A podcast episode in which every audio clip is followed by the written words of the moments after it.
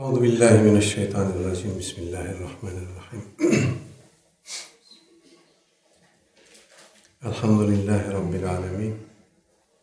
Ve salatu vesselamu ala Resulina Muhammedin ve ala alihi ve sahbihi ecmaîn.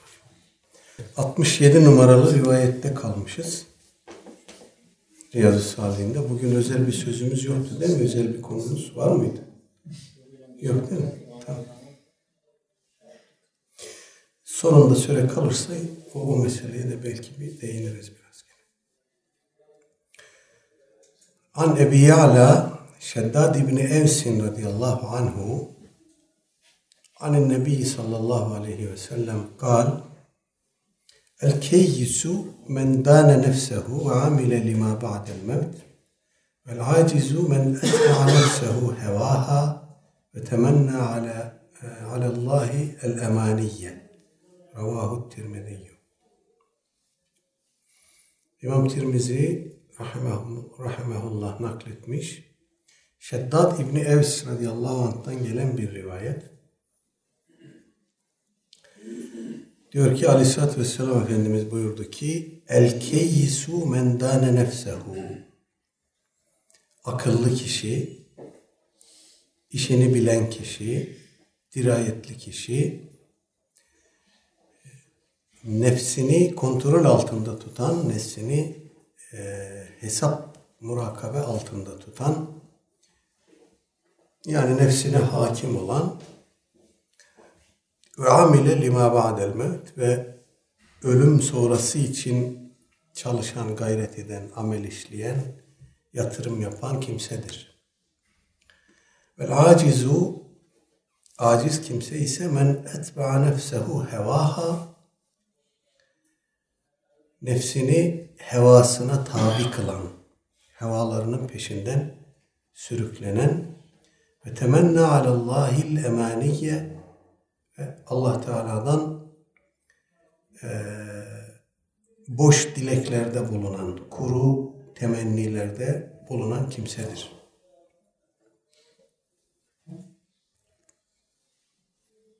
Akıllı kişi ile aciz kişiyi Aleyhisselatü Vesselam Efendimiz e, ahiret merkezli bir şekilde tarif ediyor.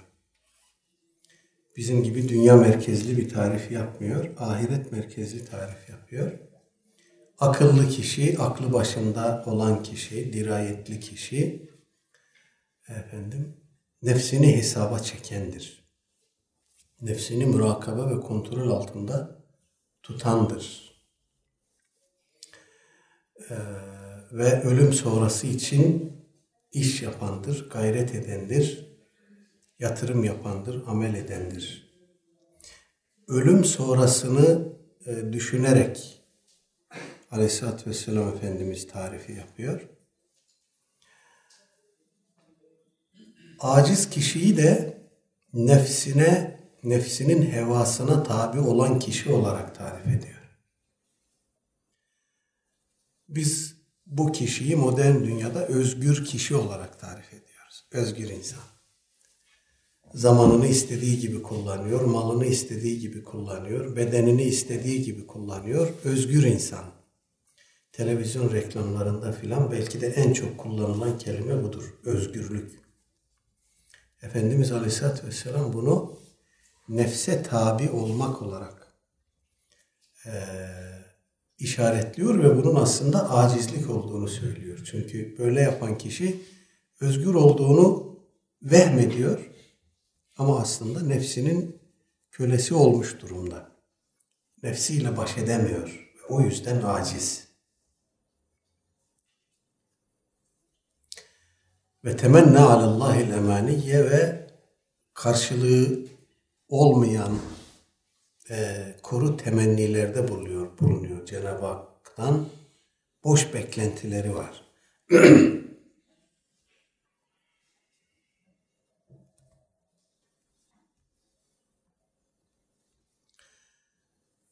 Riyazu Salihin'in e, bu çok yaygın baskısında, bu sekiz ciltlik olan baskıda bu rivayetin sonunda önemli bir e, ifadesi var İmam Tirmizi'nin. Onu almamışlar. Zuhulen mi almadılar, bilerek mi almadılar bilmiyorum. Erkam yayınlarının neşrettiği baskıda İmam Tirmizi bu hadisi naklettikten sonra ve kâle hadithun hasen bu hadis hakkında hasendir demiş bu rivayet. Kâle Tirmizi ve gayruhu minel ulema İmam Nevevi bu defa devam ediyor.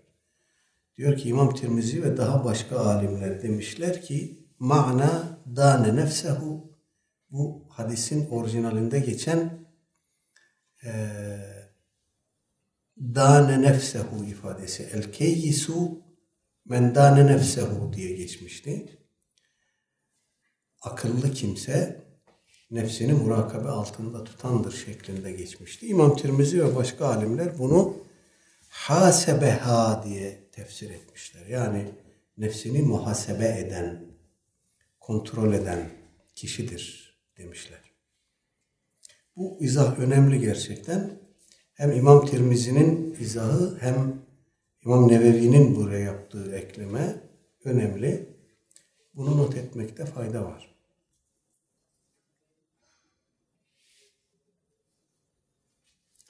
Buradaki dane yedinu deyin, din hep buradan geliyor. Aynı kökten geliyor. Aslında muhasebe demek. Efendim Kur'an-ı Kerim'de de bu anlamda geçiyor. Ee, Saffat suresinin 53. ayetinde. E izâ mitnâ ve kunnâ turâben müşrikler diyecekler ki biz öldükten ve toprak olduktan ve izamen e, kemiklerimiz e, kemikten başka bir şey kalmayacak halde çürüdükten ve toprak olduktan sonra e inna lemedinun biz hesaba mı çekileceğiz? Burada da daneye dinu medinu aynı kökten geliyor. Muhasebe e, ve hesap anlamı Kur'an-ı Kerim'de de mevcut.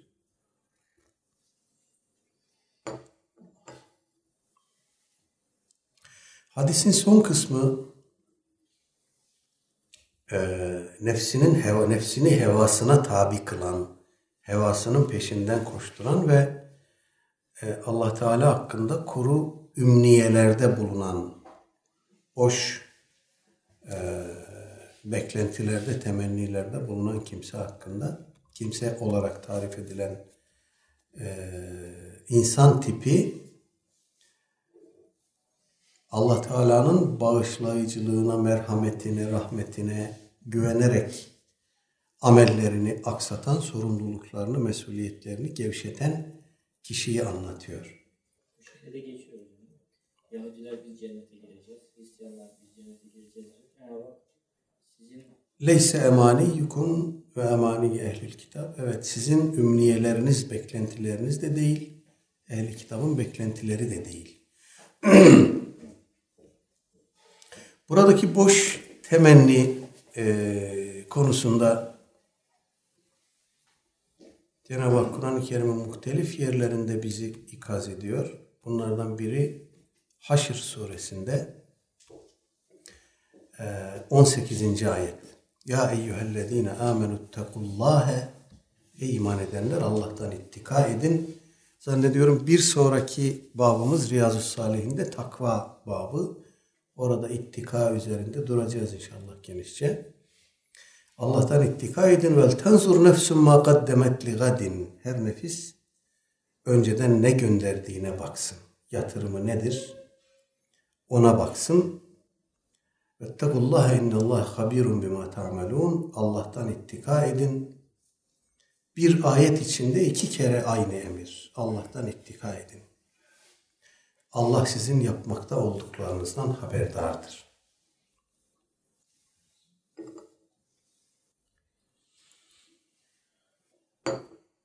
Allah Teala bizim yapmakta olduklarımızı görüyor. Hiç şüphesiz. Ama bu ve benzeri pek çok ayeti kerimede aynı zamanda haberdar olduğunu da haber veriyor bize. Cenab-ı Hak bizi görüp dururken, işitip dururken, ayrıca haberdar olduğunun acaba niye zikrediyor? Habir olduğunu niye zikrediyor? Buradaki hikmet ne olabilir diye tefsir alimlerimiz e, meseleyi müzakere etmişler ve demişler ki Allah Teala'nın görmesi ve işitmesi vasıtasız olur. Haberdar olması ise burada bize bir mesaj var. O yaptık, yaptığınız her şeyi melekler kaydediyor ve ona ulaştırıyorlar. Aynı zamanda kayda da geçiyor yani. Meleklerin yaptığımız işleri görüp duyuyor olması ve kaydediyor olması Cenab-ı Hakk'ın yaptığımız işlerden ayrıca haberdar olduğunu zikretmesinin de hikmetidir demişler. Sadece Cenab-ı Hak değil aynı zamanda onun görevlendirdiği hafaza melekleri kiramen katibin Kur'an-ı Kerim'de geçtiği üzere kiramen katibine ya'lemune ma tef'alun. O yazıcı melekler sizin yapmakta olduklarınızı biliyorlar. Dolayısıyla orada bir kayda geçiş de var. Bu Cenab-ı Hakk'ın habir olmasında e, üzerimizdeki meleklerin de meleklerden de haberdar edilişimiz dolaylı biçimde bahse konu ediliyor demiş tefsir Cenab-ı Hakk'ın alimleri. sıfatlarından değil mi? El Habir ismi şeriflerinden evet. O zaman onda bir vasıta e, olur mu? Cenab-ı Hak yaptığı her işi vasıtasız yapmıyor tabi. Vasıtalı da yapıyor. Yani yaratması öyle mesela. Adem Aleyhisselam'ı yoktan var etmiş ama bizi yoktan var etmiyor. Vardan var ediyor. Vasıtalı yaratıyor. Rızık verişi de öyledir. Vasıtalıdır. Öldürmesi de öyledir. Vasıtalıdır. Cenab-ı Hakk'ın bir takım fiilleri ve sıfatları vasıtasızdır. Mahlukata dönük olan özellikle sübuti sıfatları eee işte Rahmandır, Rahim'dir, Rezzak'tır e, buna benzer mahlukata dönük sıfatlarında bir vasıtalılık durumu var. Bu tabi o tevhide aykırı bir durum değil. Normal e, sünnetullah çerçevesinde görülmesi gereken bir şey. Hz. Ömer radıyallahu anh bu çerçevede e, genellikle bazı yerlerde hadis olarak nakledilen yanlışlıkla hadis olarak nakledilen bir e,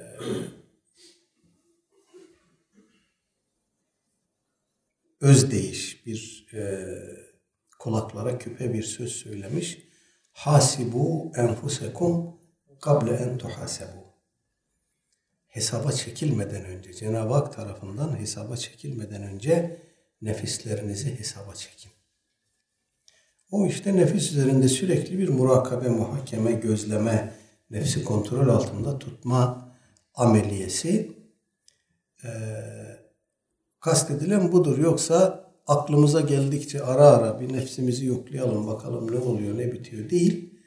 Bu kesintisiz yapılması gereken bir iş. Yani nefes alıp vermek gibi adeta kesintisi olmayan, inkıtası olmayan sürekli yapılması gereken bir iş ki gerçekten çok zor bir iş. İşte bunu başarabilen insanlara ricalullah diyorlar. Allah erleri. Bunu er kişiler başarabiliyor. Nefsini sürekli murakabede, muhasebede tutmak. Sürekli kontrol altında tutmak. Kalpten geçen şeyleri bile denetleyebilmek. Kişinin kendi kendisi için bunu yapabilmesi zor bir şey. Ee, kişi nefis muhasebesinde asıl olan odur ki nefis muhasebesinde kendi öz nefis muhasebesinde e, acımasız olacak. Tavizsiz olacak, kaytarmasız olacak. Başkalarını e, muhasebe, muhakeme ederken toleranslı olacak. Yani başkalarına karşı, başka mümin kardeşlerimize karşı hoşgörülü olacağız. Aleyhisselatü Vesselam Efendimizin talimatı gereği, tavsiyesi gereği başkalarında gördüğümüz kusurları mümkün mertebe yaymayacağız, kapatacağız, görmeyeceğiz, unutacağız. Kendi kusurlarımız için bu kadar toleranslı olmayacağız. Orada acımasız bir mekanizma işleyecek. Çok zor bir şey. Yani yastığa gece kafayı koyduğumuzda acaba bunu ne kadar başarabiliyoruz? Bu noktada sınıfı geçebiliyor muyuz, geçemiyor muyuz? Çok zor bir şey. O yüzden Aleyhisselatü Vesselam Efendimiz dua ederken Ya Rabbi bana sana gereği gibi şükür konusunda, şükretme konusunda efendim seni gereği gibi zikretme konusunda ve sana güzelce kulluk etme konusunda bana yardım et diye dua ediyor Efendimiz. Allahümme inni a'in e, in a'inni a'innu a'inni Allahümme inni a'inni ala zikrike ve ala şükrike ve ala husne ibadetik. Bana yardım et. A'inni. Demek ki burada da gene Cenab-ı Hakk'ın yardımına yardımı olmadan olmuyor. Bu kulun kendi başına yapabileceği bir iş değil. Cenab-ı Hakk'ın yardımını e, talep etmeden de olmuyor. Dikkat ederseniz burası da çok ihmal ettiğimiz bir, bir alan. Yani e, Cenab-ı Hakk'a gereği gibi kulluk etme konusunda da gene onun yardımına muhtacız. Bunu unutmamamız lazım ona hamd etme noktasında, şükretme noktasında, tevbe istiğfar noktasında, amel noktasında, her noktada Cenab-ı Hakk'ın yardımına, inayetine muhtacız. Akide metnimizde okumuştuk hatırlayacaksınız. Ömen istagna anillahi tarfete aynin fakat kefer. Kim bir göz açıp kapama süresi boyunca bile Allah'tan müstahni olduğunu düşünürse, Allah'tan istigna ederse kafir olur. Dolayısıyla e, her lahza, her işimizde onun yardımına, inayetine muhtaç olduğumuzu unutmamamız lazım.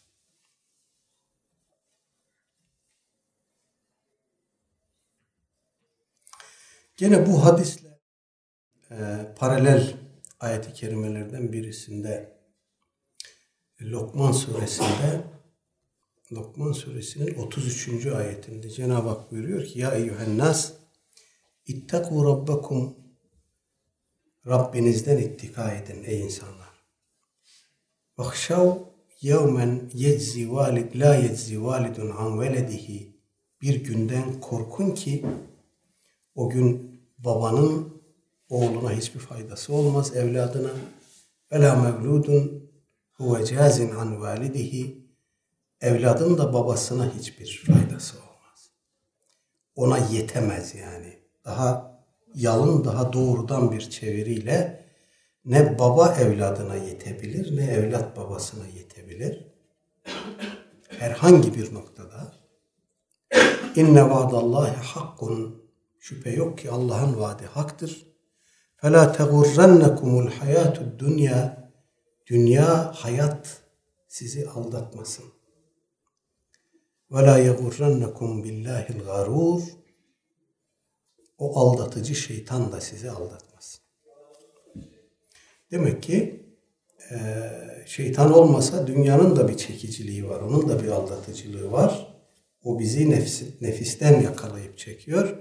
Bir de aldatıcı olmakla burada tavsif edilmiş olan şeytan var.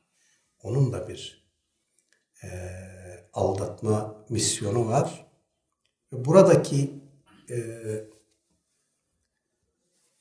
sakındırma ifadeleri ayeti kerimelerdeki fela tegurrennekum ve la yegurrennekum buralar tekitli vurgulu ifadeler.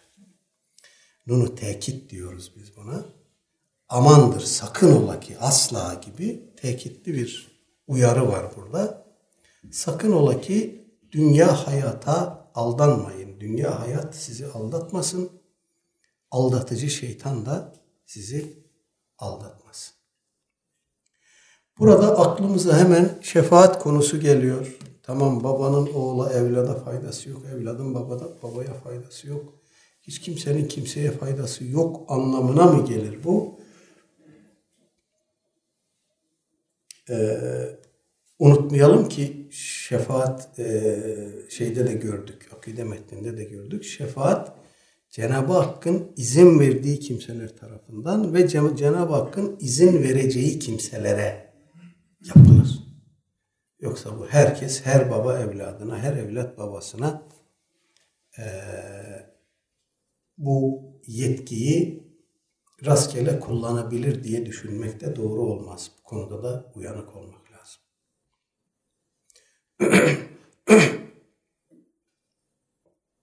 Bu Şeddad İbni Evs radıyallahu anh hadisimizin ravisi sahabi. Ee, Hassan İbni Sabit radıyallahu anh'ın yeğeniymiş. Kaynaklar öyle söylüyor.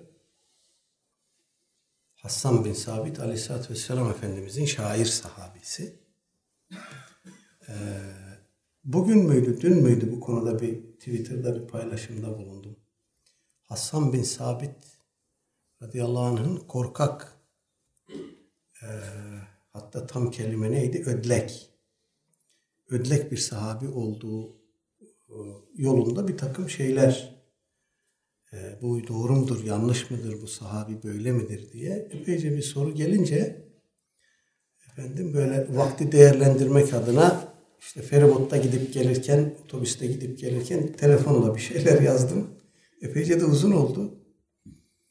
Ee, Hasan bin Sabit radıyallahu anh ödlek bir sahabi değil.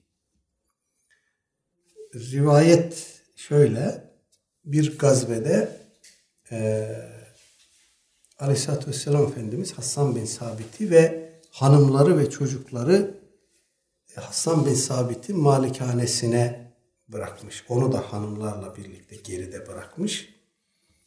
Efendim e, bir Yahudi buraya tasaddi etmek istemiş, içeriye girmek istemiş. Efendimizin halası Hazreti Safiye radıyallahu anh'a da oradaymış. Demiş ki Hasan bu Yahudi giriyor buraya haremi ismetimizi çiğneyecek. Buna mani ol. O da bir köşede pısmış oturuyormuş. Vallahi ben bu işin adamı değilim. Sen de biliyorsun ki bu iş biraz adam işi, herif işi. Ben böyle bir adam değilim demiş. Hazreti Safiye bakmış olmayacak. Ee, içeri giren sah şeyin, Yahudinin e, kafasını kesmiş. E, ondan sonra Bari git demiş öldürdüm git üzerindeki kılıcını eşyasını al ganimet olarak. Vallahi demiş ben onu da yapamam. Ondan sonra o kendisi almış. Böyle bir şey e, rivayet bizim neredeyse sahabeden bahseden tüm kaynaklarımızda var. Siyer kitaplarımızda var. Efendim. E, günümüzde yazılmış e, siyer ve tarih kitaplarında var. Neredeyse tamamında var yani. Çok sorulunca bir bakayım dedim nedir bu? Baktım rivayetin senetleri problemli. 4-5 ayrı senetten gelmiş. Her bir senedin ayrı bir problemi var. Kimisi Efendimiz'e, e, sahabeye ulaşamıyor. Arada kopukluk var. Kimisinin senedindeki raviler meçhul tanınmıyor, bilinmiyor. Ee, oraya yazmayı unuttum. Sonradan aklıma geldi. Peki bu iş nereden çıkmış? Hassan bin Sabit hakkındaki bu olumsuz e, imajı oluşturan bu kıssanın tedavüle sokulma sebebi ne olabilir diye. E, tarih kitaplarında Hassan bin Sabit'in Hazreti Ali radıyallahu anh'a beyat etmeyen sahabilerden olduğunu gördüm. Hazreti Muaviye tarafında yer almış yani. Dolayısıyla e, bir anlamda gene işte Ehl-i Beyt muarızları, Ehl-i Beyt muhipleri şeklinde bir tarafgirlik e, saikiyle sanki e, tedavüle sokulmuş bir kıssa gibi duruyor. E, Kaynaklarda Hasan bin Sabit radıyallahu anh'ın kişiliğiyle ilgili tam tersi beyanlar var. İbn Abbas radıyallahu anhuma diyor ki o hem canıyla hem diliyle aleyhissalatü vesselam Efendimizin yanında gazvelere iştirak etmiştir. Bu kıssadan hareketle şöyle bir tespit de var. Hasan bin Sabit korkak bir adam olduğu için hiçbir gazveye katılmamış. Böyle bir tespit de var. Enteresan bir şey. Oysa İbn Abbas Hazretleri bunun böyle olmadığını söylüyor bize. Sahih bir rivayetle sabit. Allahu alem böyle bir e, tarafkirlik saiki ile tedavüle sokulmuş bir kıssa gibi duruyor. Hep söylüyoruz bir kere de bu vesileyle söyleyelim. Tarih kitapları e, tarih ilmi eskiden hadis ilminin bir alt dalı imiş. Dolayısıyla tarihi rivayetler de senetle geldiği için hadis ilminin konusunu teşkil ediyor.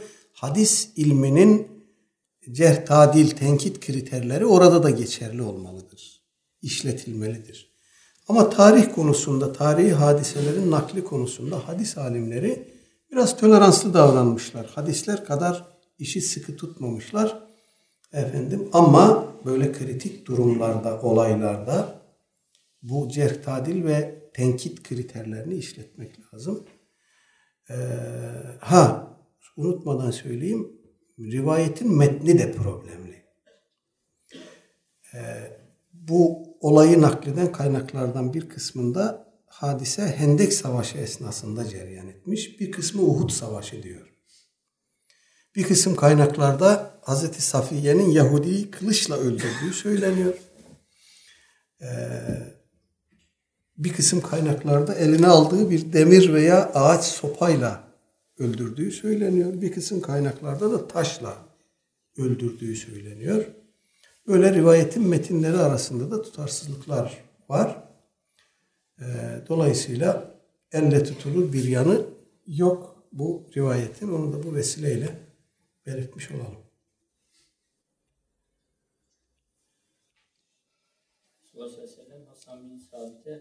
Şiir yazdırıyormuş.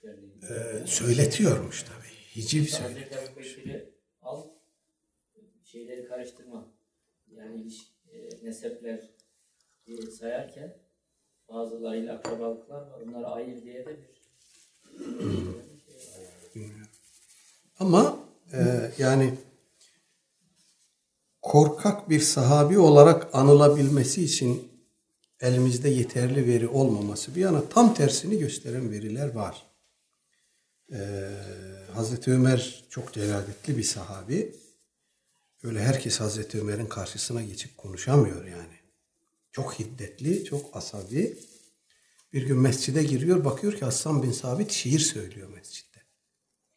Hemen üstüne yürüyor. Mescidi Resul'de şiir mi söylüyorsun sen Mescid-i Nebi'de diye. Diyor ki yavaş ol. Ben burada senden daha hayırlısının yanında şiir söylemiş adamım. Aleyhisselatü Vesselam Efendimiz'i kastederek. Evet Efendimiz ona mescide bir minber yaptırmış. O minberin üstüne çıkarak Hasan bin Sabit şiir söylermiş. Şiirde de gerçekten çok mahirmiş yani.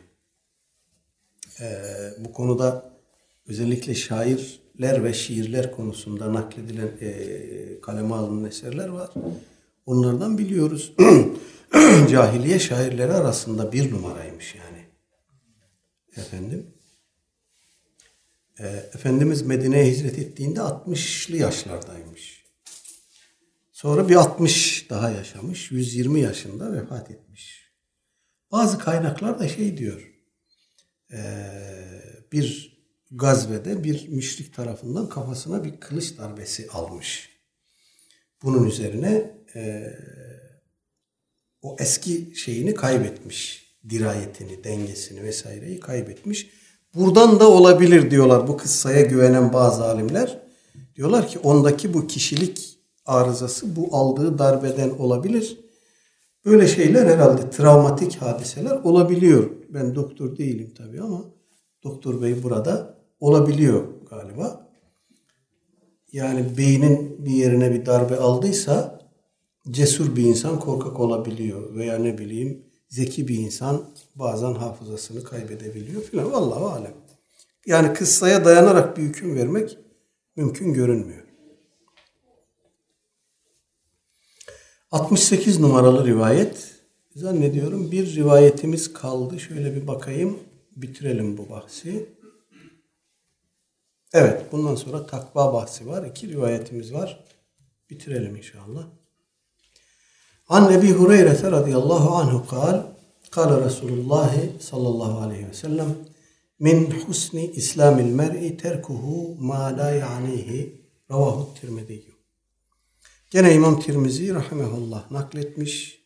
Ebu Hureyre radıyallahu anh diyor ki Efendimiz buyurdu ki kişinin İslam'ının, Müslümanlığının güzelliğindendir. Malayani'yi terk etmesi. Malayani'yi terk etmek İslam'ın güzelliğinden, Müslüman'ın şiarındandır. Dilimizde de var bu tabir malayani. Kendisini ilgilendirmeyen diye tercüme ediyoruz bunu.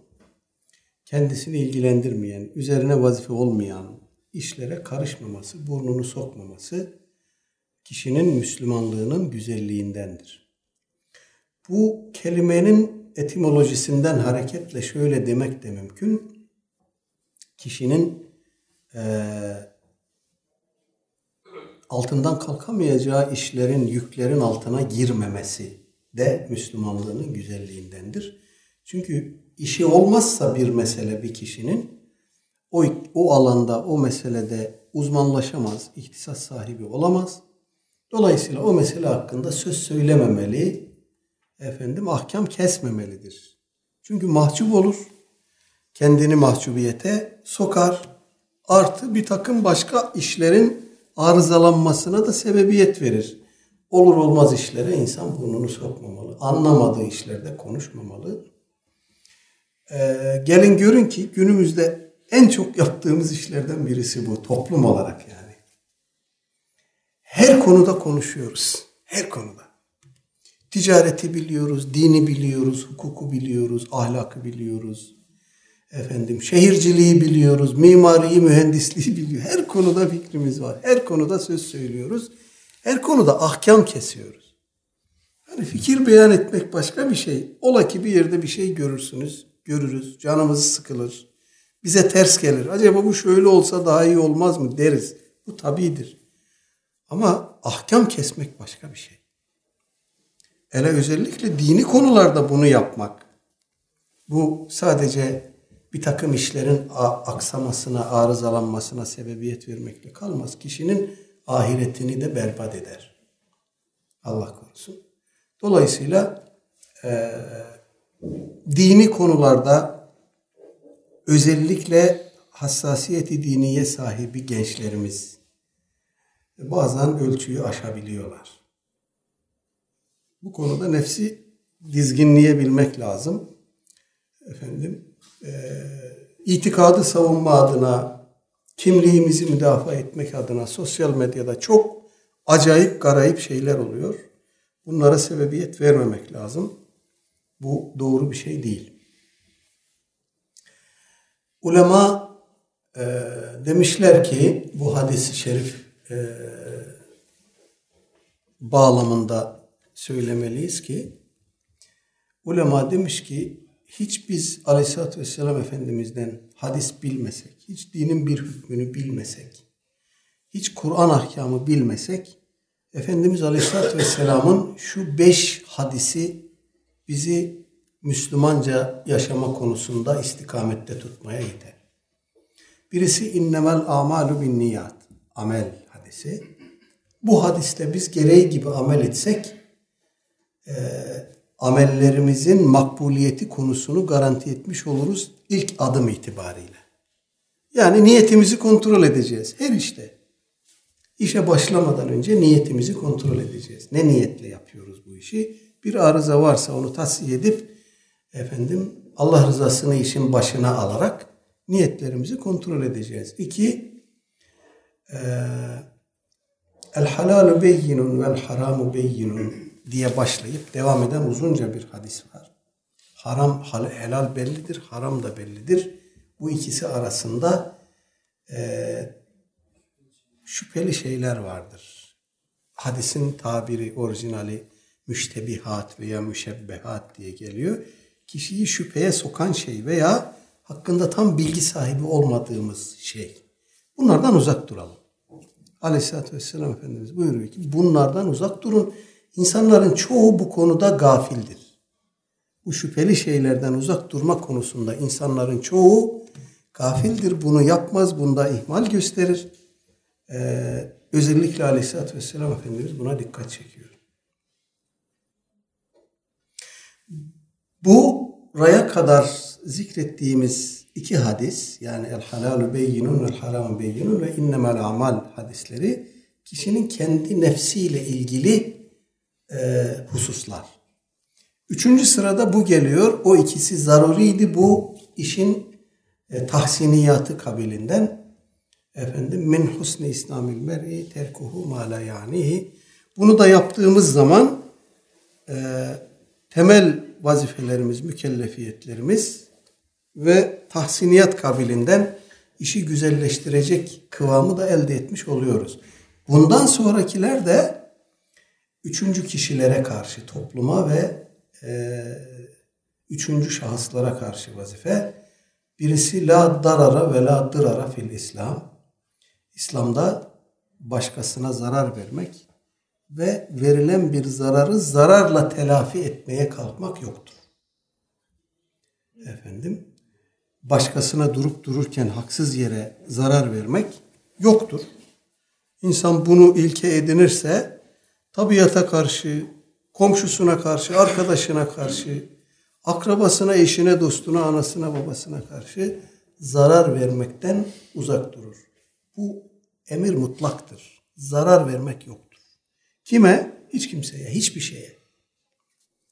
Ve zarara zararla mukabele etmek de yoktur. Birisi size zarar verdi, geldi evinizin duvarını yıktı veya arabanızı çizdi. Siz de buna intikam olarak, kısas olarak gidip onun arabasını çizmeyin, onun duvarını yıkmayın. Meseleyi yargıya götürün. Birisi geldi Allah korusun sizin bir, bir e, canınızı acıttı. Bir, bir aile fertlerinden birini yaraladı, öldürdü. Hemen siz de gidip onu kan davası haline getirmeyin. Siz de karşı tarafa bu zararı vermeyin. Olayı yargıya götürün. Mahkemeye götürün, hukuka götürün. Hukuk vasıtasıyla çözün. İşte bu ilke hayata geçirilebilse kan davası dediğimiz şey ortadan kalkacak. Buradaki psikolojiyi çok iyi anlamak lazım. Kendisine zarar verilmiş bir kimsede intikam hissiyatı ön plandadır. Ya benim bir zararım yoktu bu adama. Hiçbir sıkıntım, bir e, şeyim yoktu. Adam geldi bana şu zararı verdi. Durup dururken geldi arabama çarptı. Kendimi de mi koruyamayayım, korumayayım? Tamam koru da sen de gidip adamın arabasına çarpma. İşi yargıya havale et. Orada çözün. Yani hem tek başına bu işi yapmaya kalkma hem de bu intikam hissiyle ola ki daha büyük zarara yol açarsın. Daha büyük zarar verirsin. Adam bir göz çıkarmışsa sen gider iki göz çıkarırsın intikam hissiyle. Bundan uzak durmak lazım. Ve nihayet unsur ehake zalimen ev mazlumen. Zalim olsun, mazlum olsun kardeşine yardım et. Bu e, Efendimiz böyle buyurunca sahabe soruyor. Ya Resulallah mazluma yardımı anladık. Zalime yardım nasıl? Efendimiz buyuruyor ki onun zulüm yapmasına mani olarak ona da yardım edin. Mazluma yardım edin. Mazlumdur. O gördüğü zulmü telafi noktasında, uğradığı zararı telafi noktasında ona yardımcı olun. Zalime de zulmetmesini engelleyerek yardımcı olun. Bunlar da üçüncü şahıslara dönük İslami vazifeler. Dolayısıyla bir kimse bu beş hadisi alsa, kendisine rehber edinse, ben hayatta bu beş hadisle amel edeceğim dese, Allahu alem cenneti garantilemiş olur. Huzurlu bir hayatında imkanını elde etmiş olur.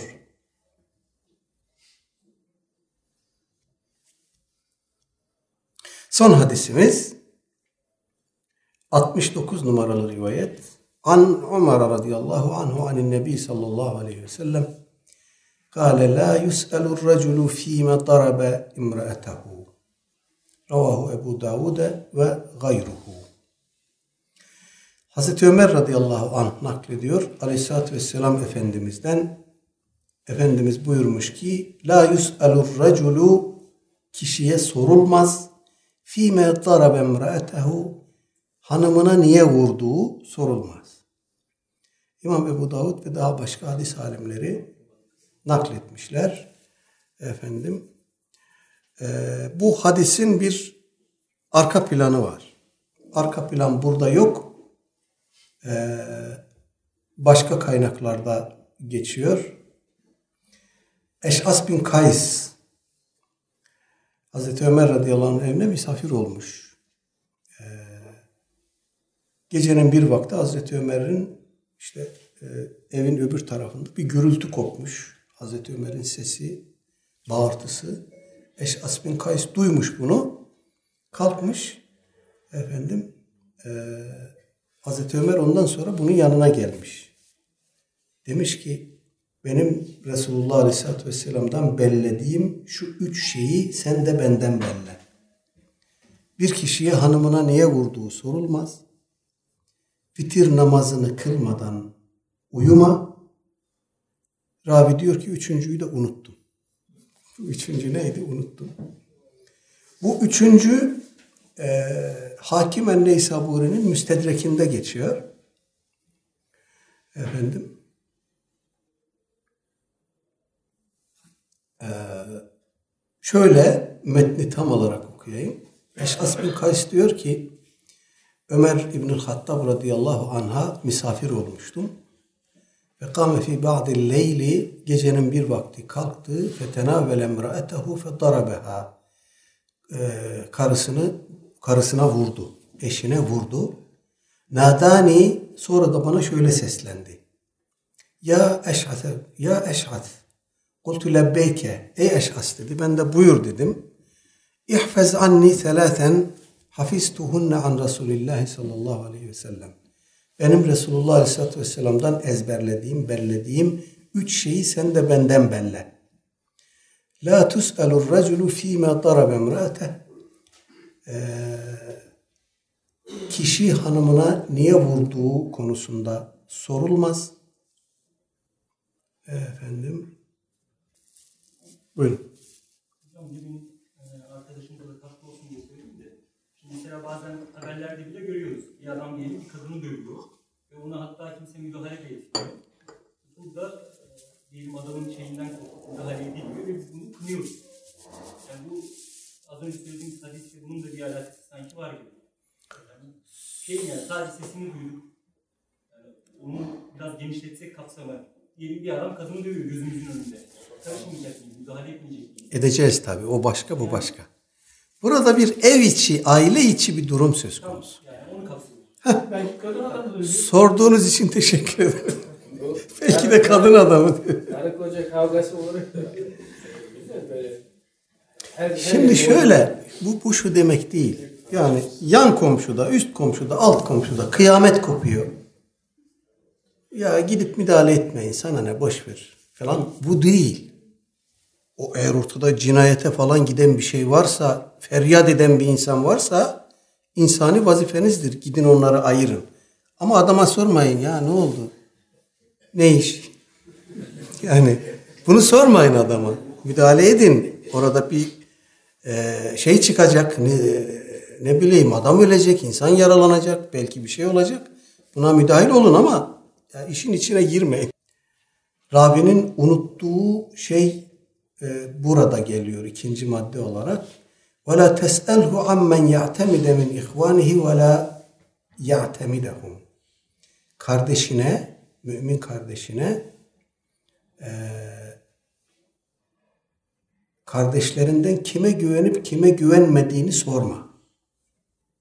Falan adam nasıldır, filana güvenir misin, falana güvenmez misin diye sorma. Efendim. ee, ve üçüncü olarak da vitir, vitiri kılmadan uyuma. Hakim bu rivayeti naklettikten sonra bu senedi sahih bir rivayettir demiş ve İmam Bukhari ve Müslim bunu bu rivayeti nakletmemişler. Eserlerinde yer vermemişler. Hafız Zehebi'nin bu hakimin müstedreki üzerine bir çalışması var. Telhisül Müstedrek diye malum olan bir çalışma.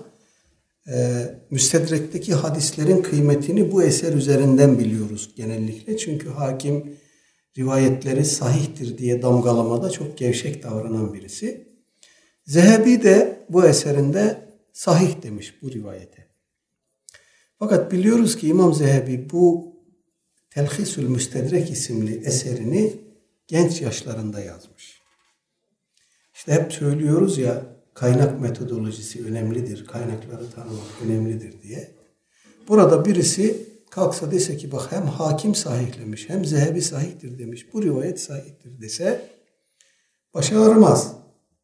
Ama daha sonra İmam Zehebi hadis ravileriyle ilgili Mizanül İhtidal diye bir kitap yazmış. o kitapta bu rivayetin ravilerinden birisini cerh etmiş. Tanınmıyor demiş. Bu, bunun kim olduğu belli değil. Dolayısıyla İmam Zehebi'nin bu eser üzerine yazdığı kitaptaki tespitlerinde ihtin, e, şeyle ihtiyatla karşılamak zorundayız. Netice olarak bu rivayeti kendimiz incelediğimizde Ebu Davud'da da geçmiş olsa, İbn Mace'de de geçmiş olsa bu rivayetin zayıf olduğu kanaati e, hasıl oluyor. Ebu Davud'da, İbn Mace'de, Tirmizi'de, Nese'de zayıf hadis var mıdır? Vardır. Bunu daha evvel de burada birkaç kere söyledik. Efendim. Ama bu rivayetin metni e, problemli midir? Değildir. Yani bir kimse eğer eşiyle arasında bir problem çıktı, sıkıntı çıktıysa bunu niye yaptın, niye dövdün, hayırdır, dün sizden çok gürültüler geldi, komşu neyin nesi falan aile mahremiyetine girmeyin diyor Hazreti Ömer. Bunda aykırı bir durum yok. Aile mahremiyeti adı üstünde mahrem bir alan kimsenin bu alana girmesi, burnunu sokması doğru bir şey değil. Hazreti Ömer de onu ikaz ediyor. Bak sen burada misafirsin, gürültü patırtı duydun ama sakın ola ki bu da kulağına küpü olsun. Bunu yapma. Ee, niye, ne oldu, hayırdır falan diye mahrem meselelere girme. İkinci mesele de gayet makul, anlaşılabilir bir şey. Kimseye sorma ki şuna güvenir misin, buna güvenmez misin diye. Ola ki insanlar arasında özel münasebetler vardır. Efendim. Bu da kişinin mahremidir yani. Falana güveniyor musun, filana güvenmiyor musun? Sorulmaz. Adaba da aykırıdır. Efendim. Doğru da değil. E, üçüncüsü de doğru. Vitir namazını kılmadan uyuma. Efendim. E, bu biraz biz bize vitir namazını hemen yatsının peşine ekleyen, eklemeye alışkanlık haline getirmiş olan bizlere biraz garip gelebilir. Ama sahabe ve selef böyle yapmazdı. Vitir namazını yatsının arkasına eklemezdi. Vitir namazını uyuyup teheccüde kalktığı zaman kılardı. Gece, kılardı. Onun için e, Hazreti Ömer radıyallahu anh teravih namazını hani tek imamın arkasında toplamış. Efendim. Sonra da Mescidi Saadet'e gitmiş bir gün bakmış cemaat orada e, tek imamın arkasında kılıyorlar. Çok güzel bir bidat oldu bu demiş. Ama uyuyanlar bunlardan daha hayırlıdır demiş. Şu anda uyuyanlar bunlardan daha hayırlıdır. Efendim televizyon vaizlerinden biri bu rivayeti bir gün çok ilginç. Ekranda kulaklarımla duydum. Bakın diyor İslam'da teravih diye bir şey yoktur. Hazreti Ömer bile ne demiş? Uyuyanlar bu namazı kılanlardan hayırlıdır. Demek ki bu namazı kılmaktansa uyumak daha hayırlıdır. Oysa Hazreti Ömer ne demiş? Ne demek istiyor? Onların adeti, geleneği, tavrı, usulü, hassasiyeti, efendim, nafile namazları bir süre uyuduktan sonra kalkıp kılmak. Bizim dünyamızda böyle bir şey olmadığı için maalesef genel itibariyle özellikle de bu sözü söyleyen insan gibilerin bakın diyor işte İslam'da teravih diye bir şey yoktur. Aha bu da size örneği. Efendim e, gene rivayet edilmiş ki vitir namazını e, uyumadan önce kılanlar akıllı kimselerdir. Aynen bu tabir geçmiş keyyis diye. Tam bulabilirsem şeyin metnini e, rivayetin size onu okuyayım. Bu tür rivayetleri bir e, ahlaki yönlendirme olarak görmek daha doğru geliyor insana. Elbette buralar bu tür metinlerde hukuki unsurlarda vardır ama e, buralardan ahlaki yönlendirmeler çıkarmak, ahlaki tavsiyeler çıkarmak daha uygundur. Dolayısıyla hiçbir durumda bir insana şuna güveniyor musun diye sorulmaz, sormak haramdır diye bir hüküm çıkarmamalıyız buradan. Veya buna benzer hükümler. Ee, bu bir e, ahlak ilkesi olarak görülse daha da iyi olur. Evet, ee, şimdi buldum.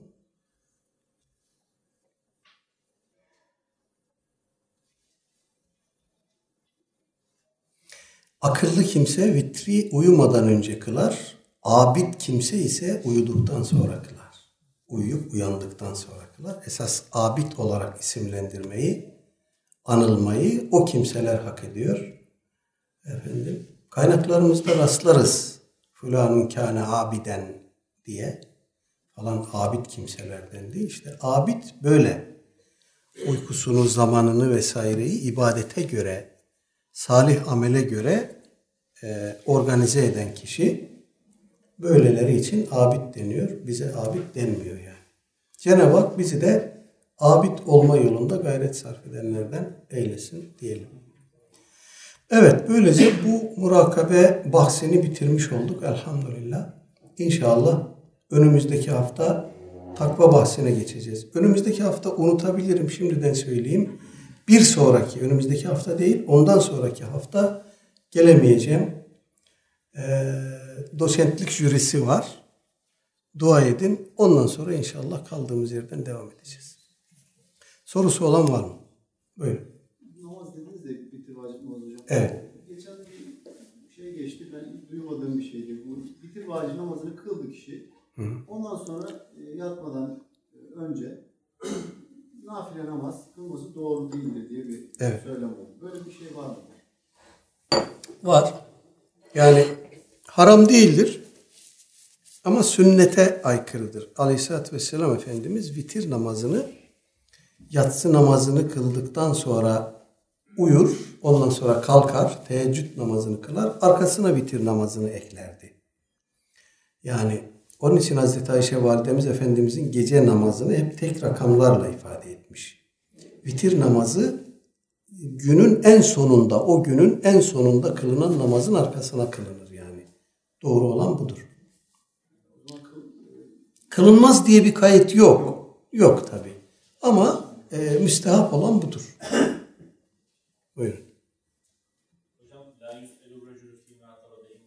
Hı. Ee, Bu hadisi topluma nasıl sunacağız? Yani bunu okumalı mı, anlatmalı mı ya da e, böyle nasıl tahfif ederek ya da örterek geçiştirmeli mi? Yani nasıl bir yöntemizden? Örtmeyelim de bir kere rivayetin zayıf olduğunu söyleyelim. Ama bu da bir hakikattir.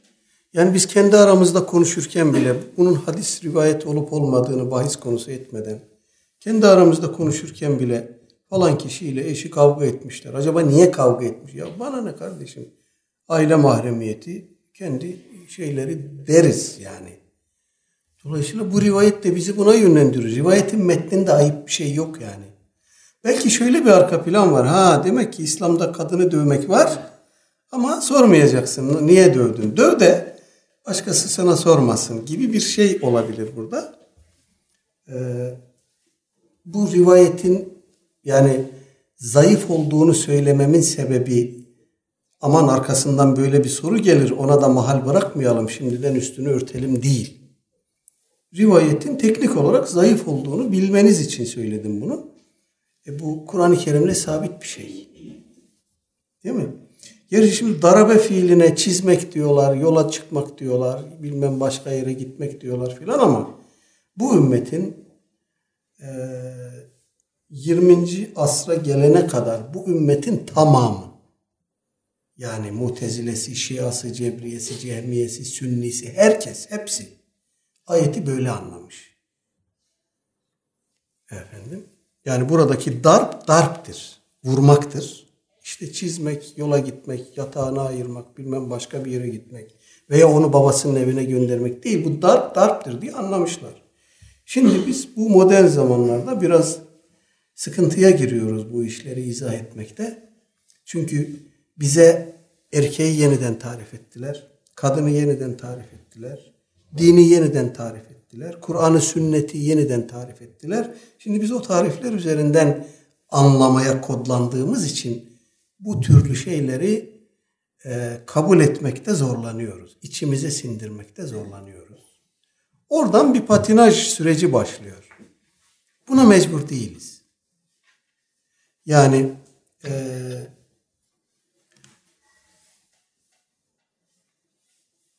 ben hep söylüyorum arkadaşlar gerek bu mesele gerek başka mesele.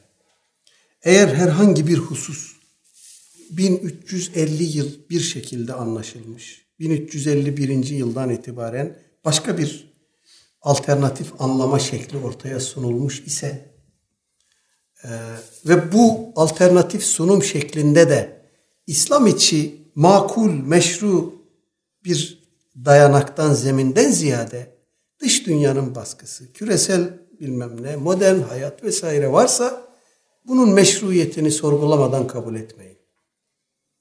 Burada ciddi bir e, sorumluluk altındayız. Yani Kur'an'ın, sünnetin, tarihin, uygulamanın nasıl anlaşılması gerektiği konusunda bu ümmet 1350 sene ıskalamış olamaz. 1350 sene bir hakikati ıskalamış olamaz. Bu seneden, bu uzun asırlardan sonra bir takım insanlar çıkıp diyecek ki bizden önceki bütün zaman dilimleri, bütün alimler, herkes yanıldı, doğruyu biz bulduk. En azından böyle bir basit mantık yürütmeyle bile işin hakikatine ulaşmak mümkündür diye düşünüyorum. Ve sallallahu ala seyyidina Muhammedin